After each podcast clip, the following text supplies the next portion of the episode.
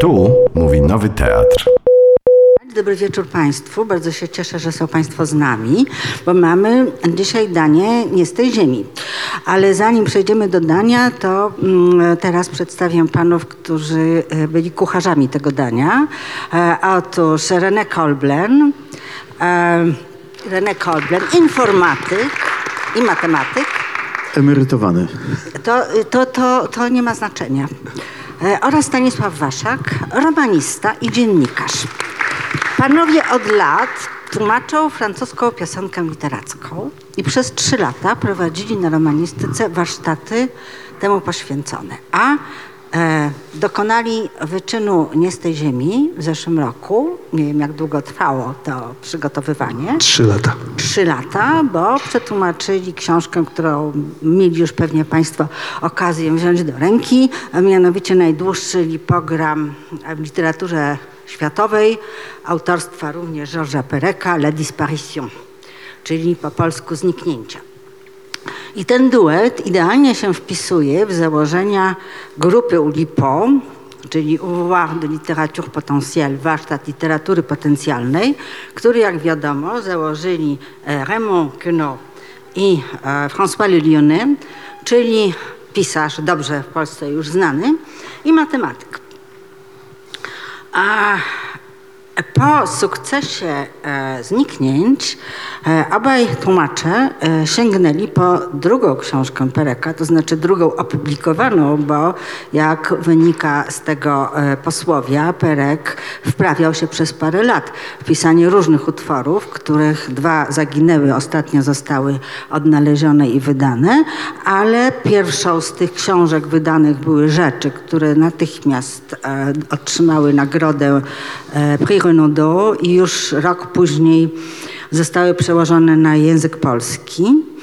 E, czyli to jest druga książka Pereka, dotychczas nietłumaczona, e, a e, mm, po, po trzeciej książce, czyli Człowieku, który śpi, Perek został przyjęty do Ulipo. A jak wiadomo, ULIPO powstało nie w wyniku teoretycznych e, założeń, lecz e, e, wynik postpisarskiej praktyki Raymonda Queneau, który miał już za sobą główne dzieła. Podobnie było w przypadku Pereka, który robił rzeczy ulipijskie, zanim został przyjęty do ULIPO. Nie, nie wstąpił, bo wstąpić nie można, można być tylko przyjętym. I potrafił pogodzić wątki ściśle autobiograficzne z arbitralnie przyjętymi regułami. Ale zanim przejdziemy do, mm, do, do tego dania, to poprosimy Pana o przeczytanie pierwszego rozdziału.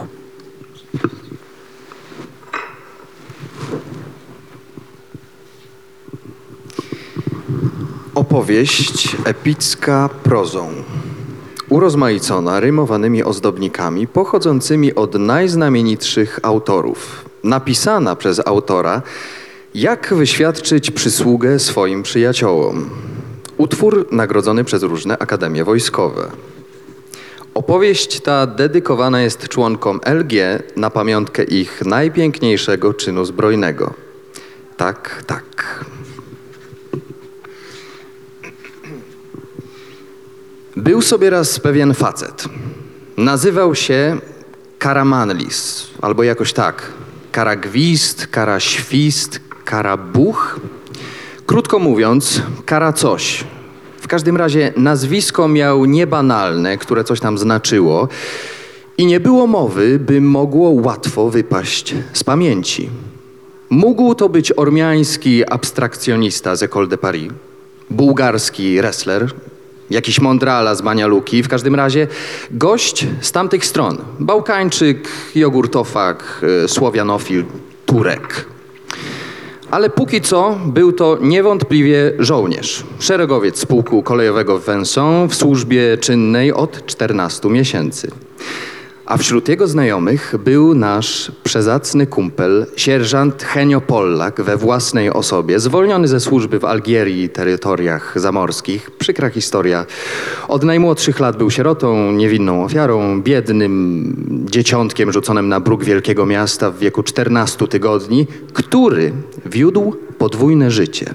Za dnia aż do zachodu słońca, oddawał się swym sierściuchowym powinnościom. Obsztorcowywał dyżurujących kotów, rył przeszyte strzałą serca i wywrotne hasła na drzwiach do latryn. A gdy dzwonili na wpół do siódmej, wskakiwał na swój popierdujący motorowerek, schromowaną kierownicą i wracał co tchu do rodzinnego Montparnasu, jako że urodził się był na Montparnasie, gdzie to miał swoją lubą, swój pokoik, nas, swych kumpli i swoje ukochane książki. A tam dokonywał istnej metamorfozy wdziarskiego kawalira. Wciągał mało oryginalny, lecz schludny, zielony sweterek w czerwone paski, poskręcane w korkociąg portki, parę buciorowatych buciorów i powracał do nas, swych kumpli, by wpaść z nami do kafejki na pogawędkę o żarełku, kinie czy filozofii. A nazajutrz rano Pollak Henio przyoblekał z powrotem mundur wojskowy, koszulek haki, spodnie haki, furażerkę haki, krawat haki, bluzek haki, beżową pelerynę i ciemnoskóre buty. Wskakiwał na swój popierdujący motorowerek z chromowaną kierownicą i z ciężkim sercem przemierzał drogę powrotną, porzucając swe ukochane książki, nas, swych kumpli, pokoik i lubą, a nawet rodzinny Montparnasse, bo tam się był urodził.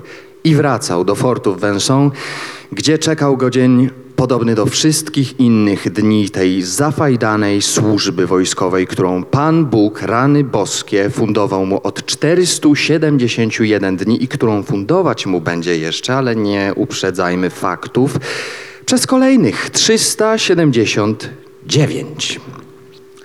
Pollak Henio zaciskał wargi, poprawiał posturę i przechodził, wyciągając podbródek obok wielkiej trójbarwnej flagi, obok budki wartownika, obok kapitana, któremu salutował, obok porucznika, któremu salutował, obok starego sierżanta, starszego sierżanta, co pełnił tymczasowo funkcję adiutanta, któremu to już nie salutował, woląc y, przejść na drugą stronę drogi po tym, jak któregoś dnia dokonali wymiany poglądów. Jemu zaś salutowali szeregowi dzielny Karaczan, dzielny Falempin, Van Ostrak, ohydny rasista i mały Laverrier, zwany ciepło lodołamaczem, naśladując przy tym odgłosy rozmaitych ptaków, jako że był on dość lubiany, ten nasz Polak Henio.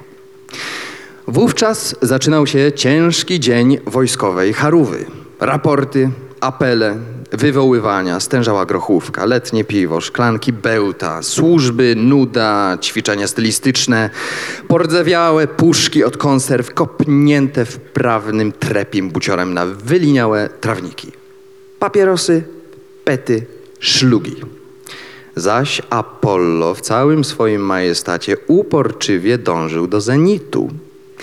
Godziny snuły się powoli jak e, ziarnka gresu w klepsydrze. Niech czytelnik zażenowany tym niewyszukanym porównaniem doceni przynajmniej jego adekwatność geologiczną.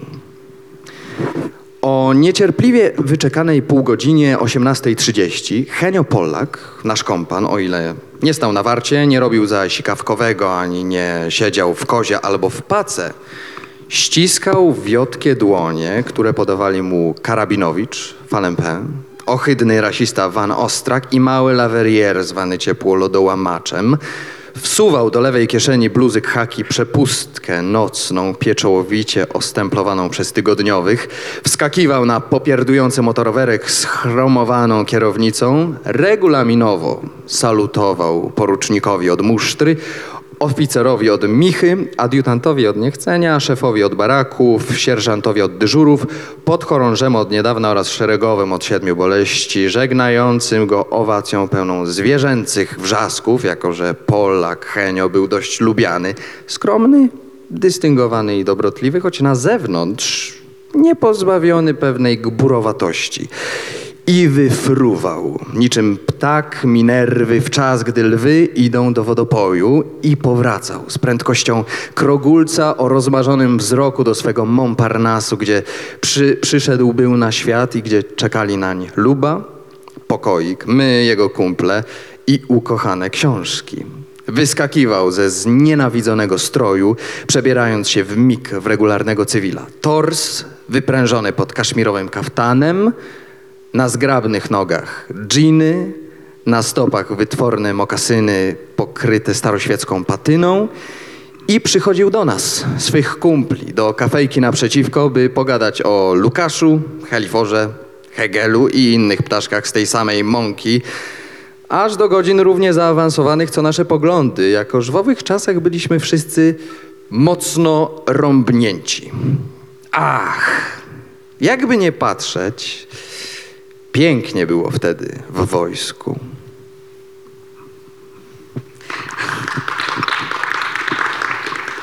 To dziękujemy bardzo za odczytanie pierwszego rozdziału, który wprowadza nas w nastrój tej książeczki, która pozornie jest taką sztubacką błazenadą. Ale zanim zaczniemy ją e, dekomponować i doszukiwać jakichś zabiegów formalnych, to może opowiemy najpierw Państwu, jaka to jest anegdota. Ta anegdota jest dosyć skąpa. Jaka jest fabuła? O czym jest ta książeczka? Może zacznę. Tam na początku w dedykacji padł taki skrót LG. Może od tego trzeba zacząć, co to było. To LG, y, La Ligne Générale, to miało być pismo, pismo lewicowe, które miało na celu e, ustalić pewne zasady, jakimi powinna się kierować sztuka.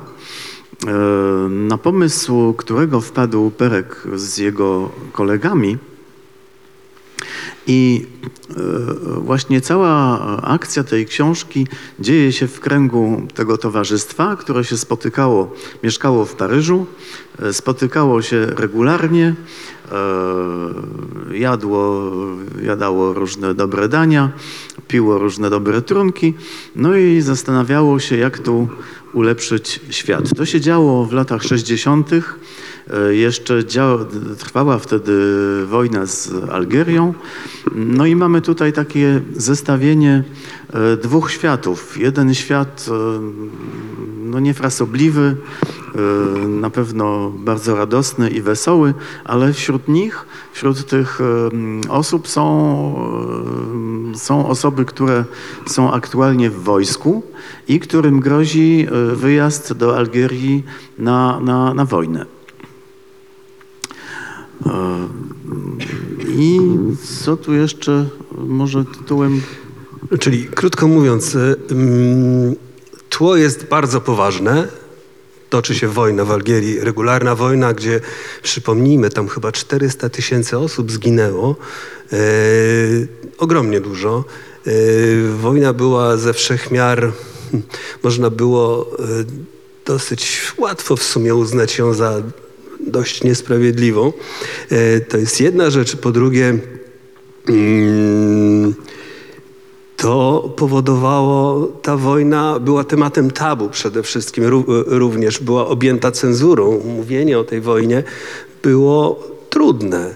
Więc y, w ogóle poruszenie tego tematu już było dosyć ciekawym, y, ciekawym pomysłem, no bo, ale z drugiej strony ta wojna była na ustach wszystkich, zwłaszcza młodych ludzi, tak, takich jak oni, y, jak bohaterowie tej książki, y, którzy mm, z niewielkimi wyjątkami, e, którym udało się wymigać od tej wojny.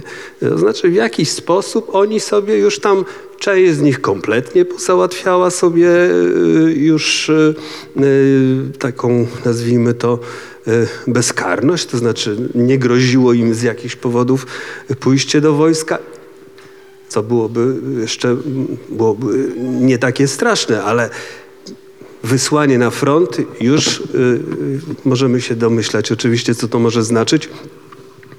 My odrobinę, znaczy moje, nasze pokolenie trochę zna takie sytuacje, nie w takim stopniu oczywiście, y, ale też strach przed, strach czy niechęć pójścia do wojska e, za, za naszych czasów było dosyć powszechne. To było dosyć, to było dosyć powszechne odczucie i e, wiele osób, e, nie wiem czy każdy zna, ale ja znam osoby, które były w stanie zrobić bardzo wiele, żeby do tego wojska nie pójść. A co dopiero w sytuacji, kiedy u, u- wylotu tunelu jest regularny front, strzelają z prawdziwych nabojów i, i do ludzi. Więc e, mm, także tło jest bardzo poważne.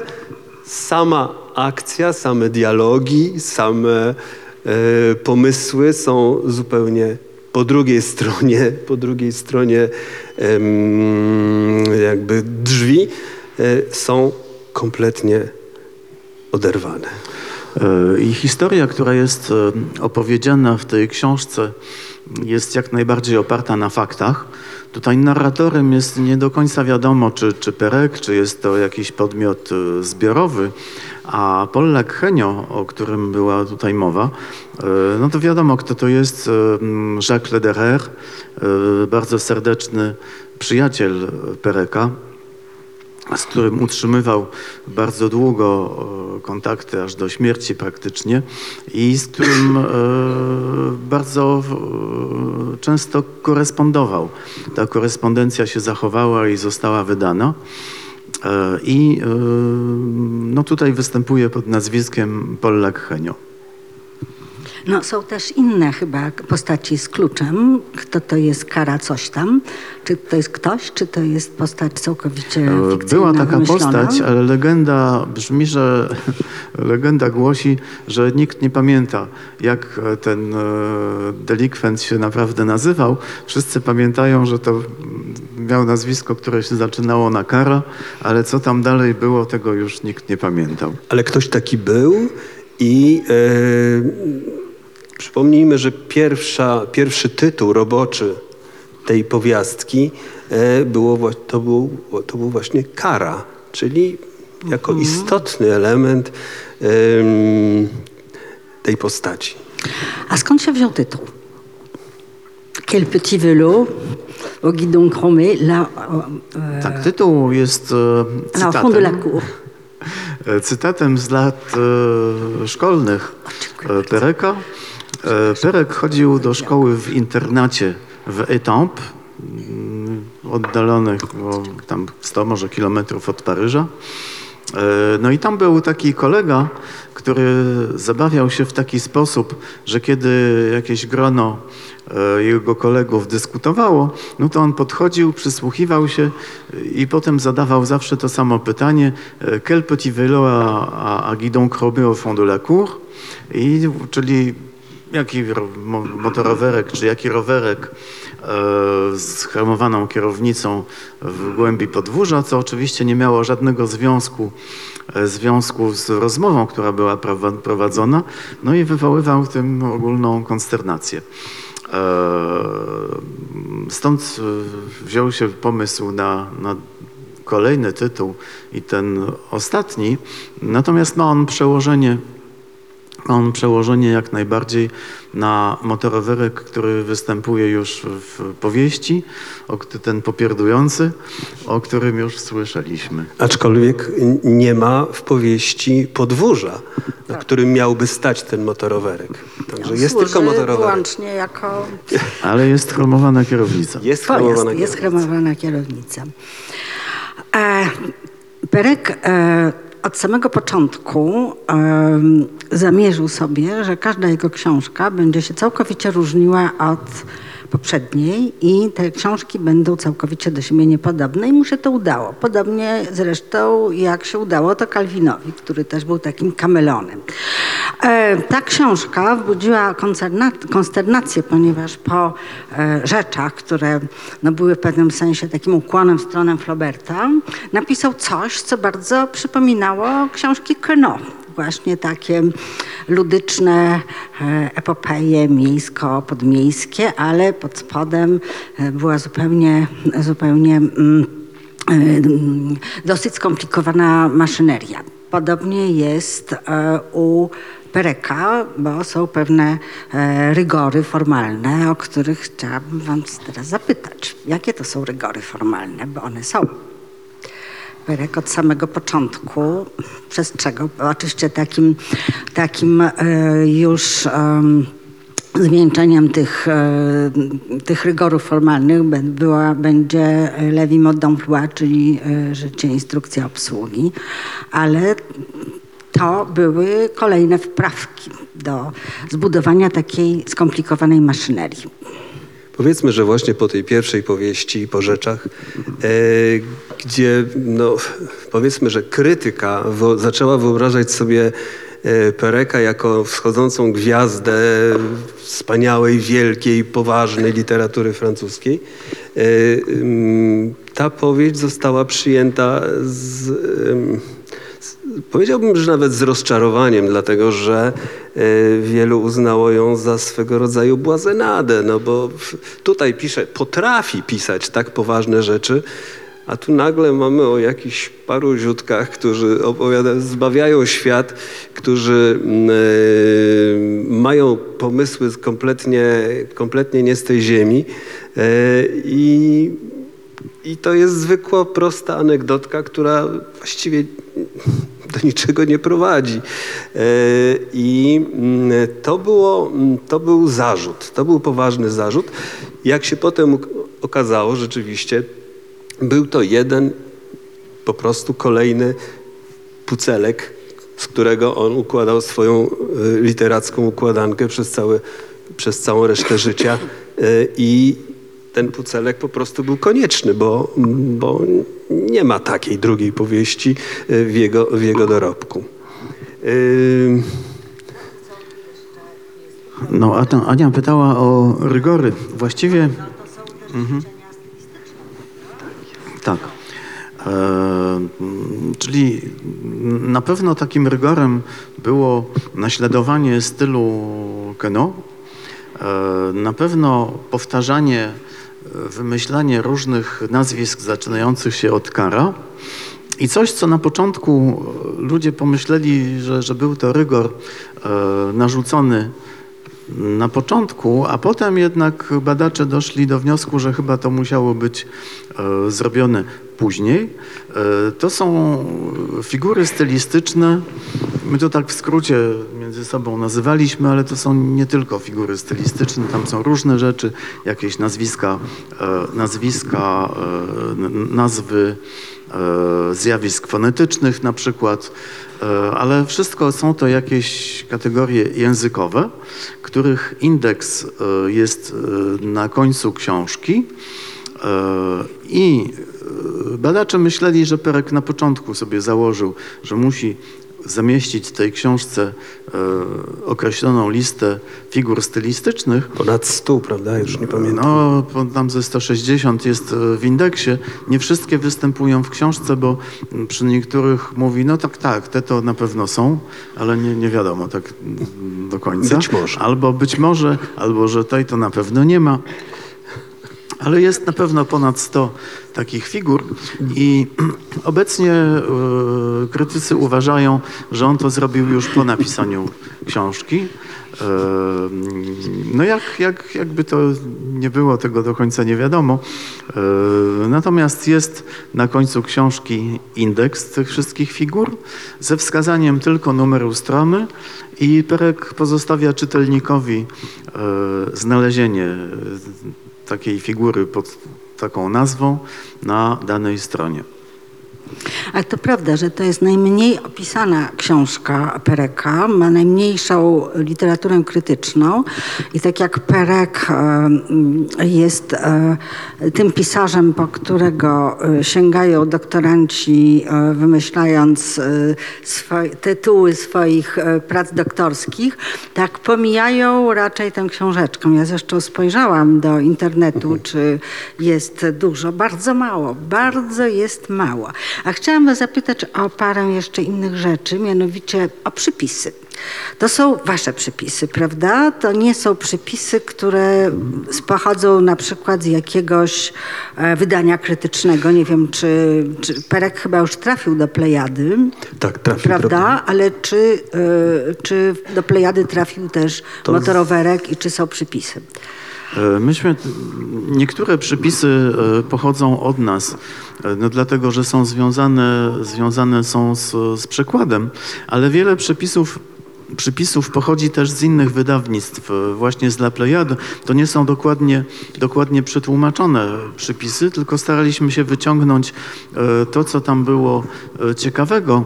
Mm, Na przykład pewne fakty, że coś pochodzi z jakiegoś dzieła, albo coś można znaleźć również w innym e, utworze Pereka. Tego typu rzeczy, które są, e, które nie są jakąś subiektywną e, oceną e, recenzenta e, tworzącego przypisy, tylko które po prostu są stwierdzeniem pewnych faktów. To znaczy my przy, przygotowaliśmy te przypisy z myślą o tym wydaniu konkretnie. Znaczy są rzeczy, które w każdym w zasadzie wydaniu powinny się pojawić. Infor, takie informacje, które są po prostu neutralne, a które ch- chociażby informacja o tym, że y, w Vincennes był pułk kolejowy, prawda, do którego, do którego się tam e, jeździło.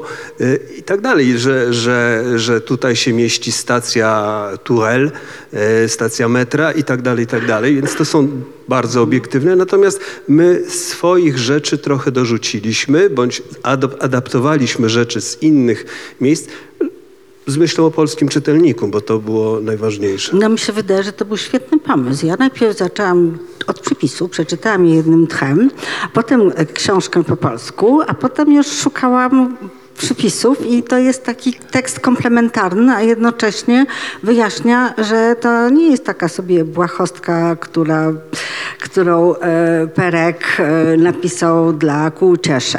Ale może to jest teraz moment na drugi fragment.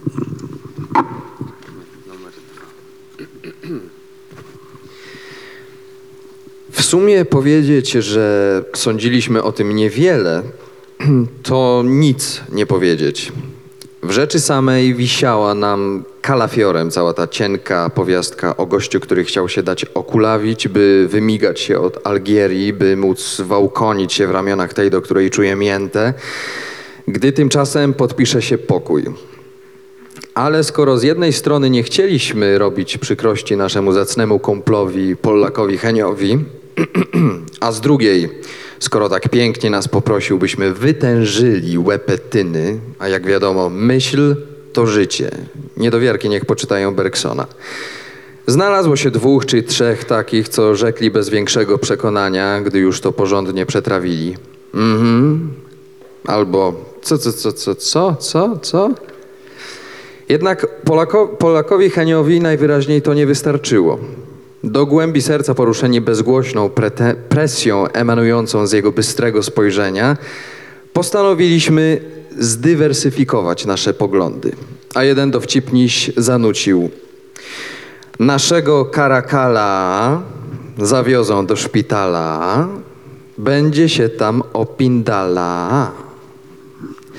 Inni zaś tragicznym tonem to nie takie pewne, rzekł pierwszy. To mało zabawne, rzekł drugi. To dość idiotyczne, rzekł trzeci.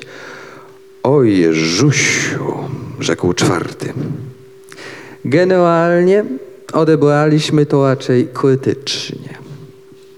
I ustalone zostało razem wespół i w zespół, że ponad wszelką wątpliwość jest wielce niewskazane, by osobnik znany pod zacnym nazwiskiem Pollak Henio przejeżdżał, siedząc za, kierow- za kierownicą pojazdu, który notabene nie jest jego własnością, po nodze lub nogach osobnika nie będącego nam ni bratem, ni swatem, nawet za jego formalną uprzednią zgodą, skoro po pierwsze mogłoby go to zaboleć, a nawet bardzo.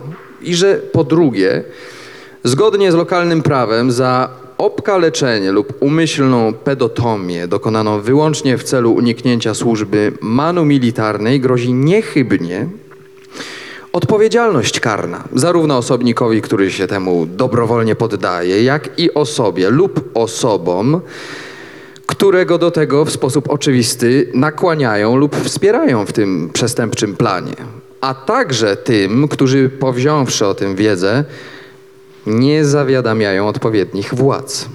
Ale na bogów wszechmogących, czy mogliśmy zostawić przyjaciela w potrzebie? Czy mają wygadywać, że my, kumple Polaka Henia nie byliśmy w stanie wesprzeć gościa, który w desperacji nieroztropnie zwrócił się do niego, Polaka Henia, naszego kochanego towarzysza, który tu, to był mu sierżantem, a nie mniej przyjacielem, z prośbą o pomoc? Czy mają tokować, że nie, sprowa- y, że nie sp- sprostaliśmy owemu domniemanemu zobowiązaniu, które jeden z nas by podjął, co za fatalna niekonsekwencja w imieniu nas wszystkich?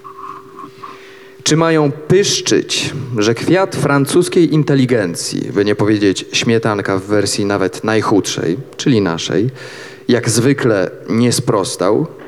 Nie. Tak paplać nie będą. Albowiem w naszej szlachetności jednomyślnie podjęliśmy decyzję, że wespół w zespół złamiemy Karażorżykowi rękę ładnie i składnie pewnego dnia, gdy będzie na przepustce, a potem będzie mógł opowiadać, że poślizgnął się na skórce od banana na wielkich schodach do stacji metra Opera. I nawet jeżeli mu nie uwierzą, to trafi w łapy pułkownego, pułkowego psychiatry, gdzie przez długi czas będzie miał święty spokój, a póki co być może Algierczyki spuszczą nam łomot i podpisze się pokój.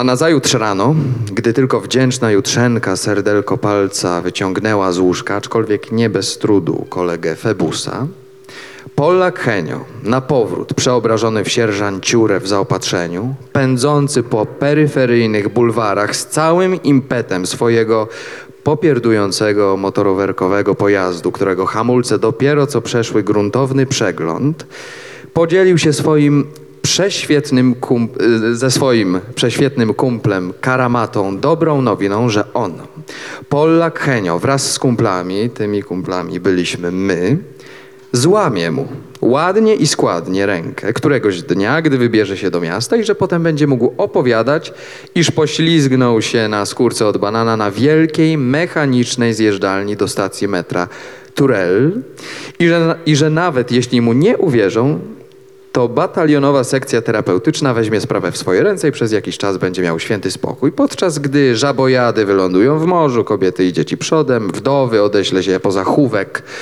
do rodzimej osady, bankowo zawiesi się broń i podpisze się pokój.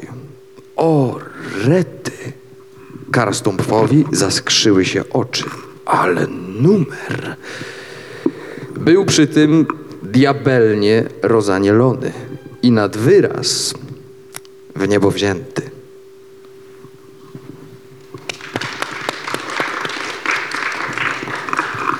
Dziękujemy bardzo za kolejny fragment. Jak wiadomo, e, zabiegi formalne u Pereka, we wszystkich książkach Pereka, nie są arbitralnie przyjęte, ale są nośnikami pewnej zaszyfrowanej e, metafory. Śmierci rodziców, poczucia pustki, braku. Gdzie ich szukać? Bo są i tu. No tutaj chyba ich za bardzo nie ma. Jest oczywiście woj- wojna, e, która jest tematem, która się, który się przewija e, przez całą twórczość Pereka, e, ale to nie jest druga wojna światowa. E, o, o śmierci matki, co się też przewija przez twórczość Pereka, też chyba nic nie ma. Jest dworzec dwo- lioński. Dworzec Lioński, tak. Jest dworzec dworzec lioński.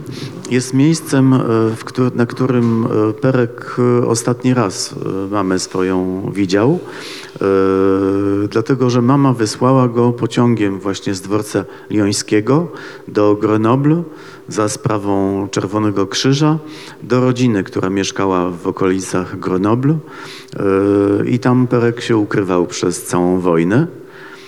Mm, Ale poza tym chyba nie.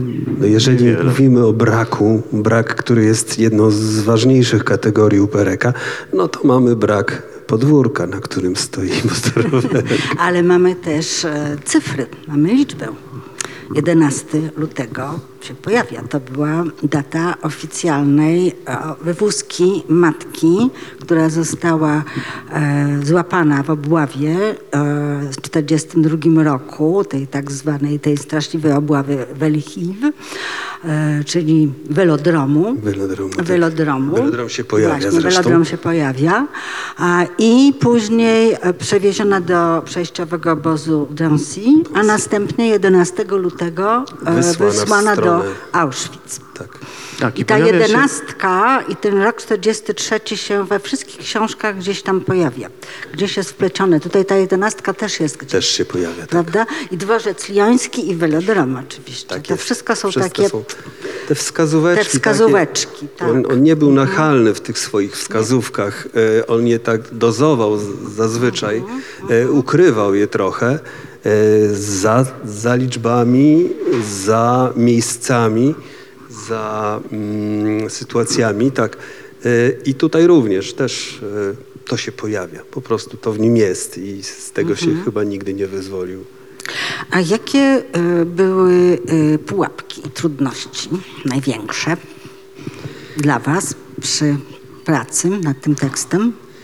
No tu było dużo mniej pułapek i trudności niż w zniknięciach. No może nie, nie tyle pułapki, tylko jakieś pomysły translatorskie. No na przykład jest taki wierszyk o tym, że ciężko jest wybrać e, gruszkę albo ser, co by się chciało zjeść no, na, na końcu e, posiłku. No i my zamiast prze, przełożyć to, e, wpadliśmy na pomysł, żeby wziąć osiołkowi w żłoby dano. Znaczy przełożyliśmy to, a potem znaleźliśmy także, bo nasz, nasz przekład też chyba jest w tej książce, e, ale w tekście jest osiołkowi żłobie dany. Tam się Fredrą troszeczkę właśnie bawiliśmy. To znaczy, jest, ja, przepraszam. jest taka figura stylistyczna, na przykład marot, marotyzm. No uznaliśmy, że może jakbyśmy zostawili ten marotyzm, to nie każdy był, by skojarzył z poetą francuskim renesansowym, no to zastąpiliśmy to fryderyzmem. No tak, żeby, żeby to było troszeczkę łatwiejsze do zrozumienia polskiemu czytelnikowi. Ale jakichś wielkich trudności to tam chyba nie było na miarę tego, co mieliśmy w zniknięciach. E, Natomiast była część taka dosyć niewdzięczna e, pracy z tymi figurami stylistycznymi, dlatego że no, musieliśmy najpierw dowiedzieć się, co, co one znaczą, bo nie wszystkie były dla nas jasne. Znaleźć w tekście, co też nie było jasne, bo były tylko numery stron a niektóre wydawnictwa poszczególne, mieliśmy kilka wydań tej powieści, odsyłały do zupełnie różnych y, fragmentów tekstu i czasami nawet bywało tak, że e, w jednym wydaniu e, jedna figura stylistyczna była oznaczona, że jest tam, jej występuje powiedzmy dwie instancje, a w innej, że, że jest, są trzy. Także nawet tutaj nie było jasne, gdzie tych figur szukać.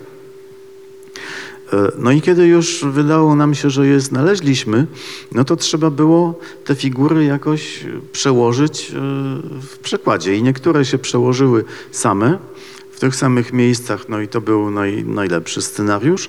Niektóre trzeba było nie, nie dało się przełożyć e, w tym samym miejscu i trzeba było je wpleść gdzie indziej, ale starając się respektować jak najbardziej tekst Pereka, żeby tam za dużo nie zmieniać.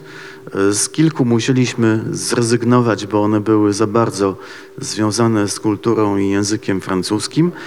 No ale myśląc sobie, że e, może nie, nie wszyscy czytelnicy, czy też praktycznie e, dość mało czytelników będzie miało ochotę, żeby te, tych figur stylistycznych szukać, a zajęło no tam, to nam e, właściwie może nawet więcej czasu niż sam przekład.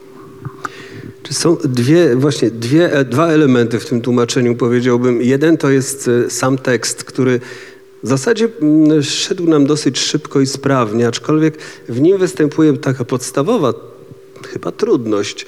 E, Mianowicie mm, w tej, w tej książeczce pod pozorem takiej prawdziwej, wielkiej literatury, z intrygującym tytułem, z przesłaniem, z, z mocnym wejściem, e, wprawdzie składającym się z czterech słów. E, e, już nie pamiętam, jak to przetłumaczyliśmy, ale to e, e,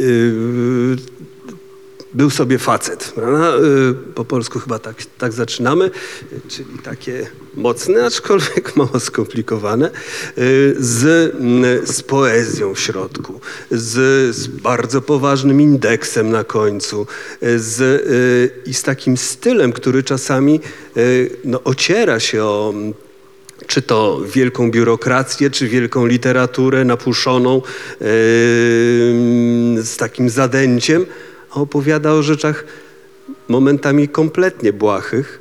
Yy, I zderzenie tych dwóch, tych dwóch elementów yy, no, wy, wydało nam się na tyle istotne, że staraliśmy się rzeczywiście yy, wejść w ten styl tej książeczki, bo każdy jest inny oczywiście, możliwie blisko, blisko żeby, żeby oddać właśnie te, tak, takie napięcie między tym takim zabawą w wielką literaturę, bo ja trochę traktuję tę powieść jako taką zabawę, yy, że to jest powieść dla mnie właściwie dosyć ludyczna i, i ten yy, sam indeks, który wygląda strasznie poważnie. Notabene yy, my spotkaliśmy, znaczy stwierdziliśmy w momencie, jak się zabieraliśmy za ten indeks, że Polsce chyba nie ma, przynajmniej ja nie trafiłem chyba, na taki porządny, kompletny słownik figur stylistycznych.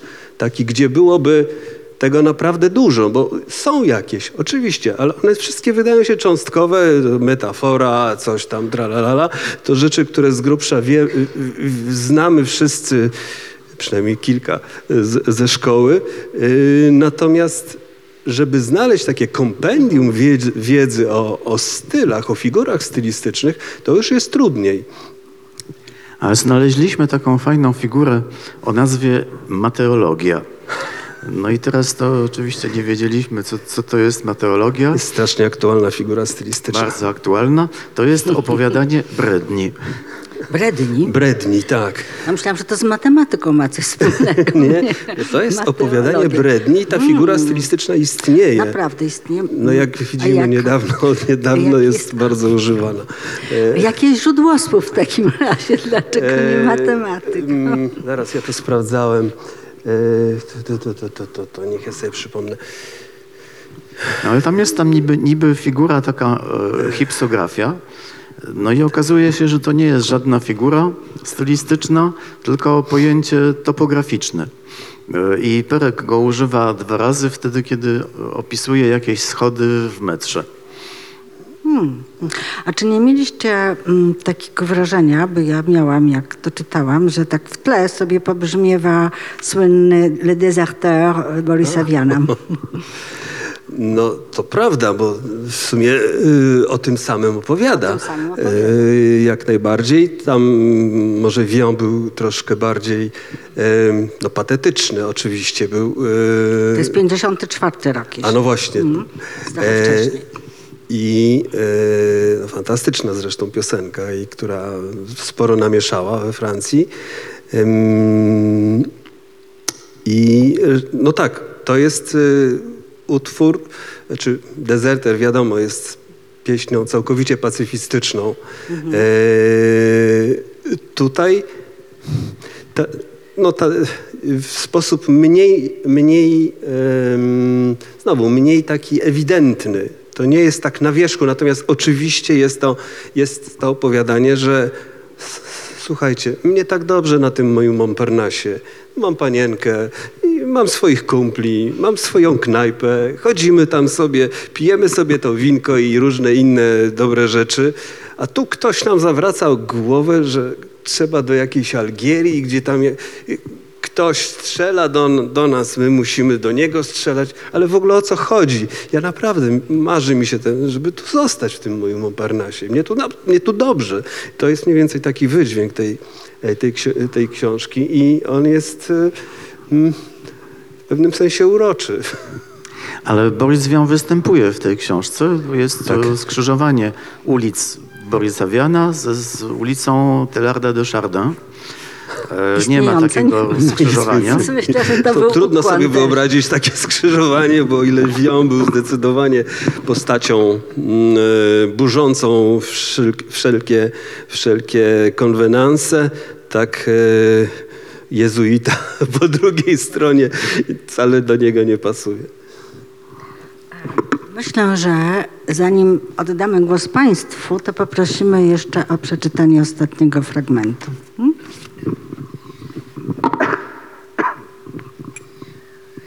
Pozwólcie, że wam przypomnę w kilku słowach to, co wasze czytelnicze muszczki mogły, mogły były, a może i powinny były wbić sobie do głowy. Po pierwsze, że istnieje osobnik, który nazywa się być może w przybliżeniu kara coś tam, który odmawia przeprawy przez Morze Śródziemne, nie ręczę za ortografię, tak długo, jak klimat pozostanie tam, jaki jest. Sprawa, którą być może poruszamy niezbyt dogłębnie, biorąc pod uwagę, że z jaką drobiazgowością akulumujemy maciputkie pytianka dookoła naszej skromnej opowiastki. Po drugie, że istnieje paczka zacnych ludzi, do której i ja należę z nimi, dzielnych jak Marignan, silnych jak Patos, subtelnych jak Artemis, dumnych jak Artaban. Po trzecie, że istnieje osoba trzecia o nazwisku Pollak, o imieniu Henio, w stopniu sierżanta, która sprawia wrażenie, iż spędza czas na przemieszczaniu się w te i we w te, we w te i w te i vice versal na popierdującym motorowerku. Po czwarte, że ten motorowerek ma chromowaną kierownicę. Po piąte, że jacyś osobnicy, których można i trzeba nazwać pomagierami, kręcą się po obrzeżach sprawy najwyższej wagi i nadają onej tu doniosłości podług najlepszych zasad, jakich nauczyli mnie wybitni autorzy, gdy byłem mały. Po szóste, że sprawy pozostały w takim stanie, w jakim je pozostawiliśmy i że mamy prawo łamać sobie głowę. Mój Boże, mój Boże, jak się to wszystko skończy. Krótko mówiąc, Algiero petalni zgarnęli swoje manele, zebrali do kupy ekwipunek, wyrychtowali ciuchy, pocerowali skarpetki, wypastowali trepy, naoliwili karabiny, zabezpieczyli przydziały kostek knora, kawy w proszku, soli z chininą, środka owadobójczego, zakupili zapasy guzików, nici, pasty do zębów, dziełkami Alberta, długopisów, kremu do opalania, bokserek, kapci. I wówczas bujnowąsy adiutant dokonał przeglądu wyprawki Karabacha. Subtelny poczubek szpicruty kapitan w rękawiczkach z białej koziej skórki pociągnął palcem po lśniącej od smaru lufie rozłożonej maszynówki i przyjrzał mu się całemu upaćkanemu, zapytując tonem łączącym zdumienie z bezczelnością. I to ma być wyczyszczony pistolet maszynowy? Ale Karabach nabrał wody w usta. Pułkownik wygłosił w jego kierunku długą mowę, brzmiącą nawet dość sensownie jak na pułkownika, z której wynikało, że primo, Karabach to osioł, a jego kumple są niewiele więcej warci. Sekundo, że on, pułkownik Ramol, dziecko pułku, co kulą się nie kłania, wolałby maszerować w pełnym rynsztunku do Sidi Bel Abbe, niż dowodzić bandą takich miglanców. Tertio, że tacy delikwenci to skaranie boskie i quadratio, że Francja nisko upadła. Co do generała, to przysłał telegram, w którym przepraszał, że nie zdoła przyjechać. Co zaś do nas, po wykonaniu paru telefonów, okazało się, że oto chcąc, nie chcąc, nadszedł czas próby. Dziękujemy bardzo. Tam Nadszedł może- czas dla Państwa. Jeszcze chciałem tylko dodać, że tam Morze Śródziemne e, jest z błędem ortograficznym i to nie jest wina naszej pani redaktor Jagody Grudzień, której bardzo dziękujemy za, za pomoc i za wnikliwość. Dziękujemy też naszemu wydawcy, bo dzięki niemu jest takie cacko edytorskie, y, które aż się chce czytać. Mm, No i tak, i oddajemy głos Państwu.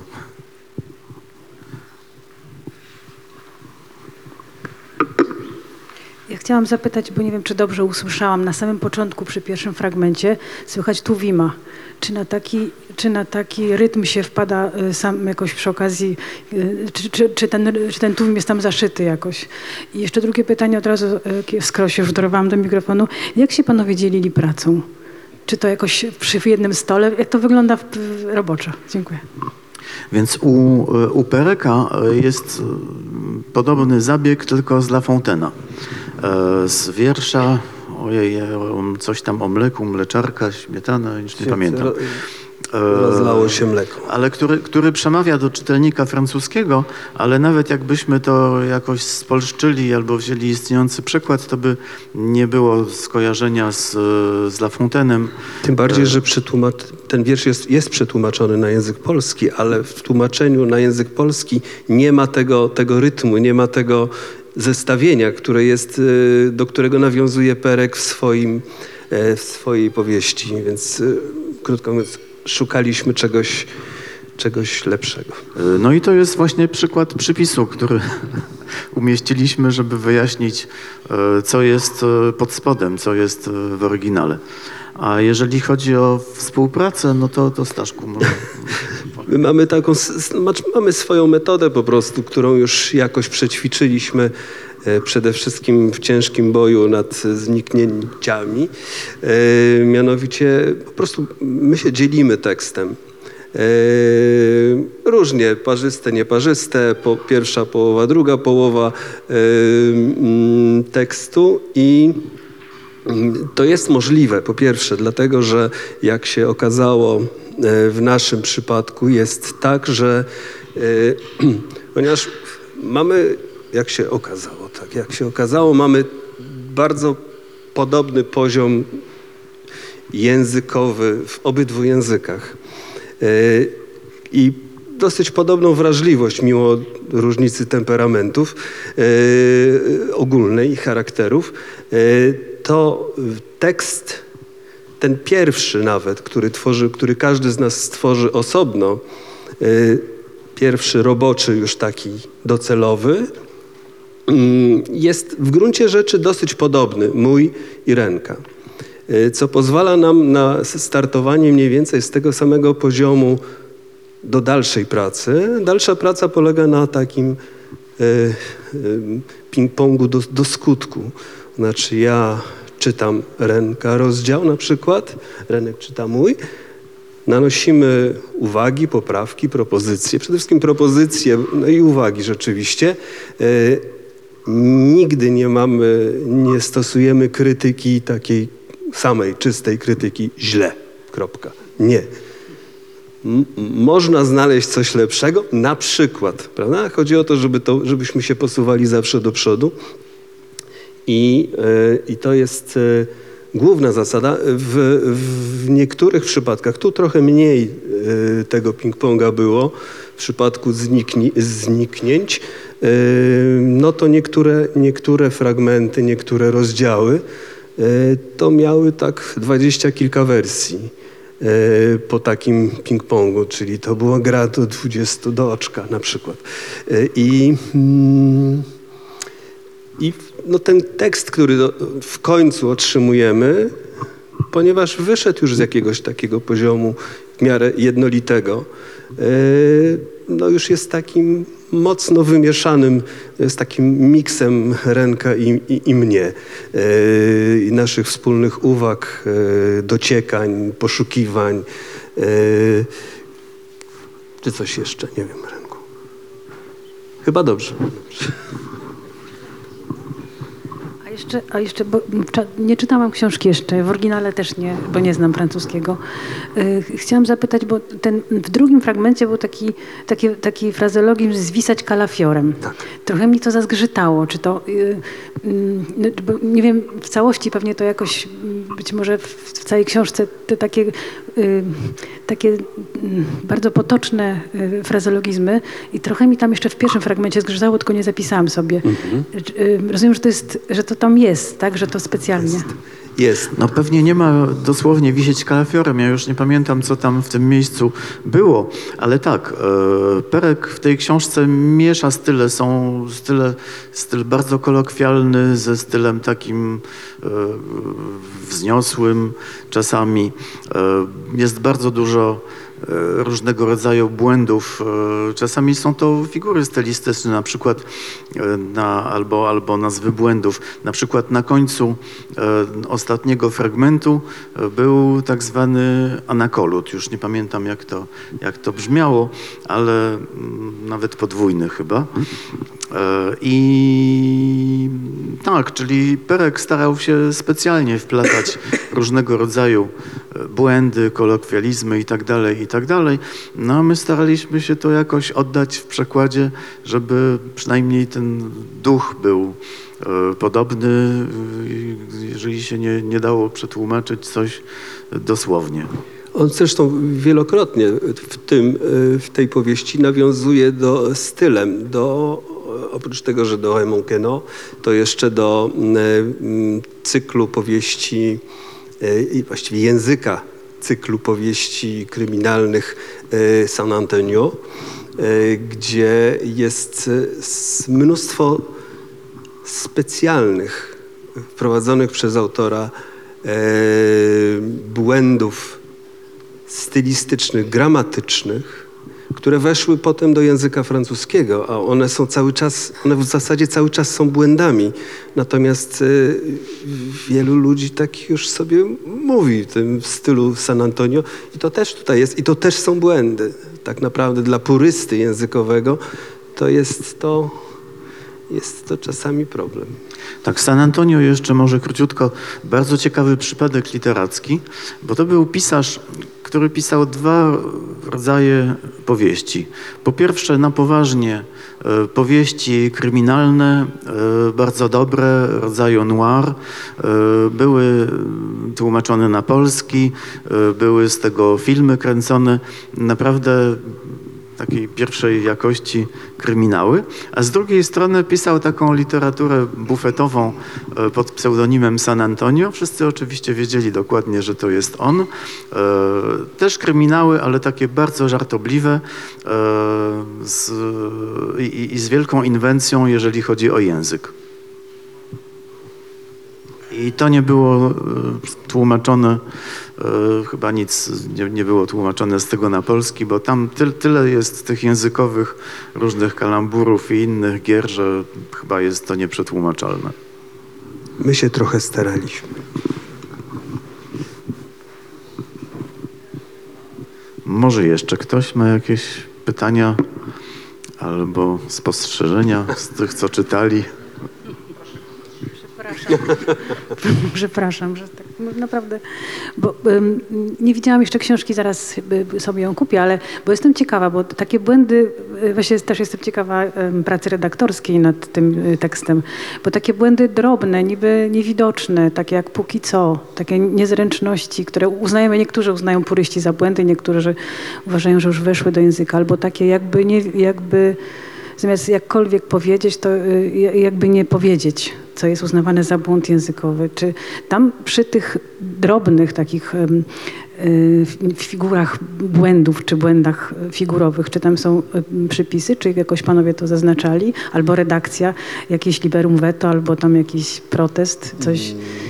Bo to są nie, bo nie, nie, nie chcieliśmy odbierać czytelnikowi, e, no Perek sam tego nie, bo to jest tak jakby objaśniać dowcipy, które się opowiada. E, To, co możemy zdradzić, to, że pewne rzeczy e, żeśmy na, na żółto zaznaczyli, żeby pani redaktor nie poprawiała, że to jest intencjonalnie, ale potem ten kolor żółty nie przedostał się już do książki i to czytelnik musi odgadnąć, co jest błędem zamierzonym, co być może jest jakimś błędem nie, nieintencjonalnym, ale Jagoda jest na tyle, e, na, na, na tyle czujna, że raczej chyba nie, nie, nic się nie powinno było prześlizgnąć, co by nie było zamierzone. A czasami tak, styl jest lekki, także pozwalaliśmy sobie na pewne jakieś takie... Dużo e, swobody językowej, natomiast, co, czy, natomiast rzeczy bardziej drastyczne to y, albo my od razu zaznaczaliśmy, że tutaj jest y, tutaj specjalnie, tak jest? Czasami, a jak była jakaś sytuacja, mm, co do której, znaczy zawsze jak była, jak je- Jagoda miała jakąkolwiek wątpliwość w stosunku do tekstu, którego nie zaznaczyliśmy, e, no to tak czy inaczej każdy taki przypadek dyskutowaliśmy sobie e, dokładnie i, i myślę, że no nie wiem, czy tam są jakieś nieświadome, to już by musiało być coś bardzo, bardzo zawiłego, bardzo e, ukrytego chyba. Na przykład to słynne Morze Śródziemne to jest pisane przez U zwykłe, no i tam na, na A, żółto i że- zaznaczyli. samorzet. I samorzet. Przez rzet? Tak, A czy przez rzet? tak. No, to jest przywilej literatury. Przecież literatura to nie są czytanki dla dzieci. więc, więc czasami taki, takie błędy są całkowicie zamierzone, jeśli są, jeśli e, Są zamierzone. są zamierzone i świadomie wprowadzone przez e, pisarza. To prawda. Ja mam dwa pytania jeszcze. Po pierwsze, czy macie panowie jakiegoś innego pereka już na warsztacie albo w perspektywie? A drugie, bardziej techniczne, bo te 25 wymian e, piłki ping-pongowej, no to po prostu zdumiało mnie. Ile wy czasu poświęciliście na tę książkę?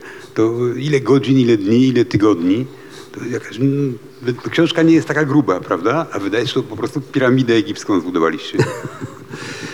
Y, To jest tak, że my nad, y, nad y, zniknięciami pracowaliśmy trzy lata.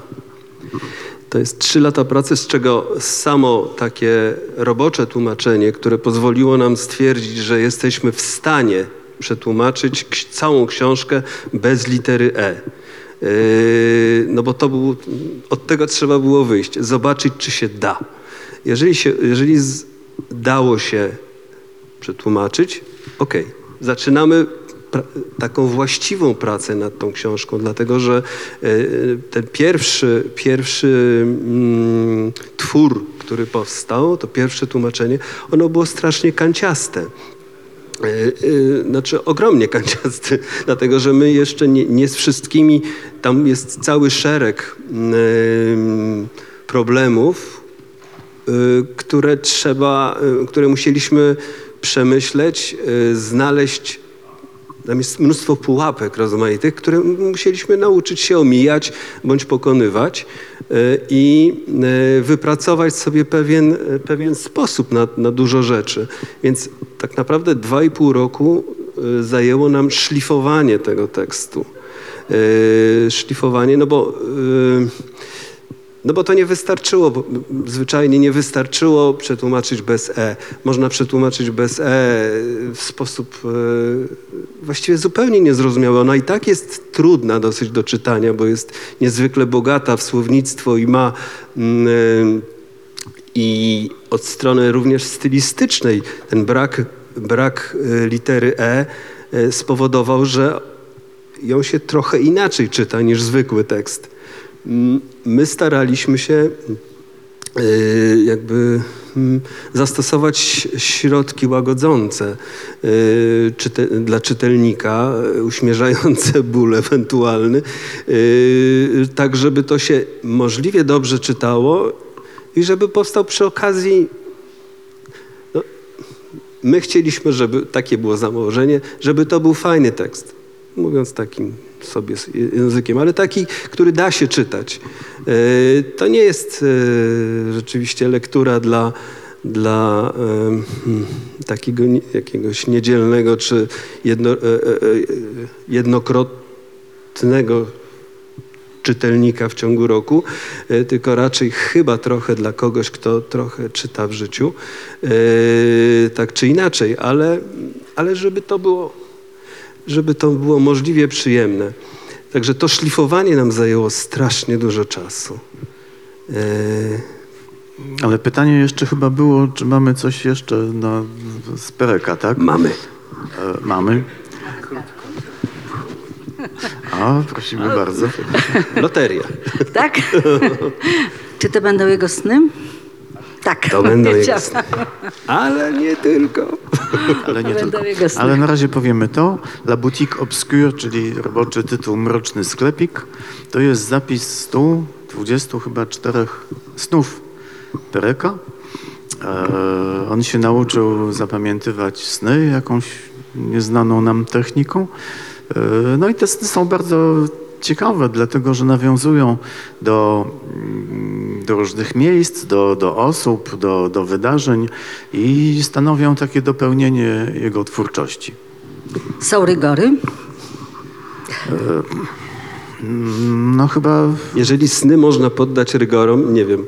E, Sny się Zapamiętywać sny można tylko w jeden sposób. Zapisać natychmiast. O. Ja to robię od lat, bo wiem, że natychmiast e, wyparują. Jak teraz to czytam, to, to tego nie pamiętam, ale, ale one są niesamowite. Niektóre są niesamowite, bo się uruchamia taka wyobraźnia, której, której nie mam na jawie. Więc e, przebieg tych, tych wszystkich e, skojarzeń jest nie, nie z tej ziemi. Krótko mówiąc, zajęliśmy się takimi e, bardziej skrytymi em, stronami życia Pereka, dlatego że e, tu będziemy mieli nocne życie Pereka e, w tych snach. Mm, e, Również e, właściwie skończyliśmy życie kulinarne Pereka, e, mm, które przetłumaczyliśmy. E, I co jeszcze? Jadalne przepisy, tak? E, Nie, nie, bo jest, są niejadalne mm, przepisy e, osiągnięte metodą kombi, kombinatoryki, czyli e, mieszanie różnych składników e, e, za, za, za pomocą praw matematyki. Ale jest jeszcze lista potraw, które Perek, Perek zjadł lub wypił w roku 1974. I to jest to drugie. No to właściwie on stworzył całą swoją mitologię, prawda? Stworzył Absolutnie. wszystko. Tylko 46 lat. No on uwielbiał e, robić zapiski, uporządkowywać te zapiski, e, tworzyć różne listy różnych rzeczy. E, to jest też w, jego esejach na przykład sposób układania książek na tysiąc różnych sposobów. Albo jakiś spis pozdrowień z wakacji. No są, jest, są tam Ale nie najprzeróżniejsze rzeczy. o tym, że on miał wprawę, wprawki w takie mm, bardzo em, do tekstów, które są e, zaszyfrowane, ponieważ przez lata prowadził, e, układał krzyżówki. Tak, i to było- Przez lata układał krzyżówki. Krzyżówki to była jego, mm, e, to był jego mm, powód e, sławy, znaczy to przy- przyczyna sławy oczywiście. E, Pisał krzyżówki, one były bardzo słynne, tak u nas najsłynniejsze chyba, jakie, z jakimi przynajmniej ja miałem do czynienia, to była krzyżówka z kociakiem w przekroju, cotygodniowa, która też miała swoje, swoje mm, pewne walory, e, również graficzne. E, Natomiast krzyżówki Pereka, y, one polegały na tym, że tam było mm, no, absolutne minimum czarnych pól. To była krzyżówka, w której na przykład y, było, nie wiem, sześć, pięć czarnych pól, a wszystkie pozostałe z sobą się krzyżowały, łączyły, y, przecinały. y, Także to było dosyć... Kom komputera jeszcze nie miał. A komputera, komputer miał tylko w głowie, to prawda. Komputera jeszcze nie miał. E, tak, Perek pisał też wiersze. No i na przykład jeden rodzaj, wiersze dla niego to nie były to, co dla wszystkich, dla każdego śmiertelnika jest wierszem, tylko to były utwory o bardzo,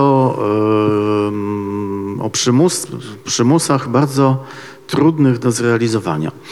I na przykład jest taki zbiór heterogramy chyba się nazywa i każdy taki heterogram jest wpisany w kwadrat 11 na 11 litery po kolei 11 na 11. W każdej linii jest 10 liter, zawsze te same, najczęściej występujące w języku francuskim esartinulo, plus jedna pozostała. I jakby tego było mało, to jeszcze w niektórych e, tych utworach, wierszach powiedzmy, występują dodatkowe przymusy, na przykład takie, że pierwszy wers e, składa się, no, tworzy ja jakieś tam, jakieś tam zdanie, to samo zdanie występuje w pierwszej kolumnie tego kwadratu, a przekątna składa się z tej samej litery. No, takie rzeczy wymyślał. Ja tylko dodam, że y, większość tych zabaw y, niestety nie jest przetłumaczalna. W związku z tym y, akurat te y, krzyżówki, te, te zabawy literackie Pereka pozostaną Państwu do zgłębienia tylko i wyłącznie w języku francuskim, do czego zachęcam. I jest to oczywiście dostępne we Francji w różnych fajnych księgarniach. Natomiast y, osobiście jako wydawca Pereka y, zachęcę do sięgnięcia po wcześniejsze książki, gdyż wydaliśmy już w sumie 15 tomów w serii potencjalnej. Niestety z y, René i, z Staszkiem się znamy niedługo, w związku z tym wcześniej y, przekłady, pr- przekładami Pereka zajmowali się inni tłumacze, między innymi Ania Wasilewska, która przetłumaczyła Człowieka, który śpi. Ale myślę, że zostało jeszcze całkiem sporo tytułów, które, że tak powiem, w najbliższych latach postaramy się upublicznić i wydać dla Państwa. Y, A tymczasem y, zapraszamy do księgarni kameralnych, między innymi takich jak ta, gdzie można na pewno y, wcześniejsze tytuły Pereka znaleźć. A tłumaczy myślę, że możemy y, zostawić w spokoju, żeby mogli spokojnie pracować nad kolejnymi y, wspaniałymi y, tłumaczeniami. Bardzo Wam dziękuję. Dziękujemy. Ja jeszcze, ja jeszcze tylko dodam, że ja panów bukuję już na przyszłość. Mam nadzieję, że wcześniej niż za 2-3 lata tutaj. Dziękujemy bardzo. Dziękujemy Państwu. Dziękujemy.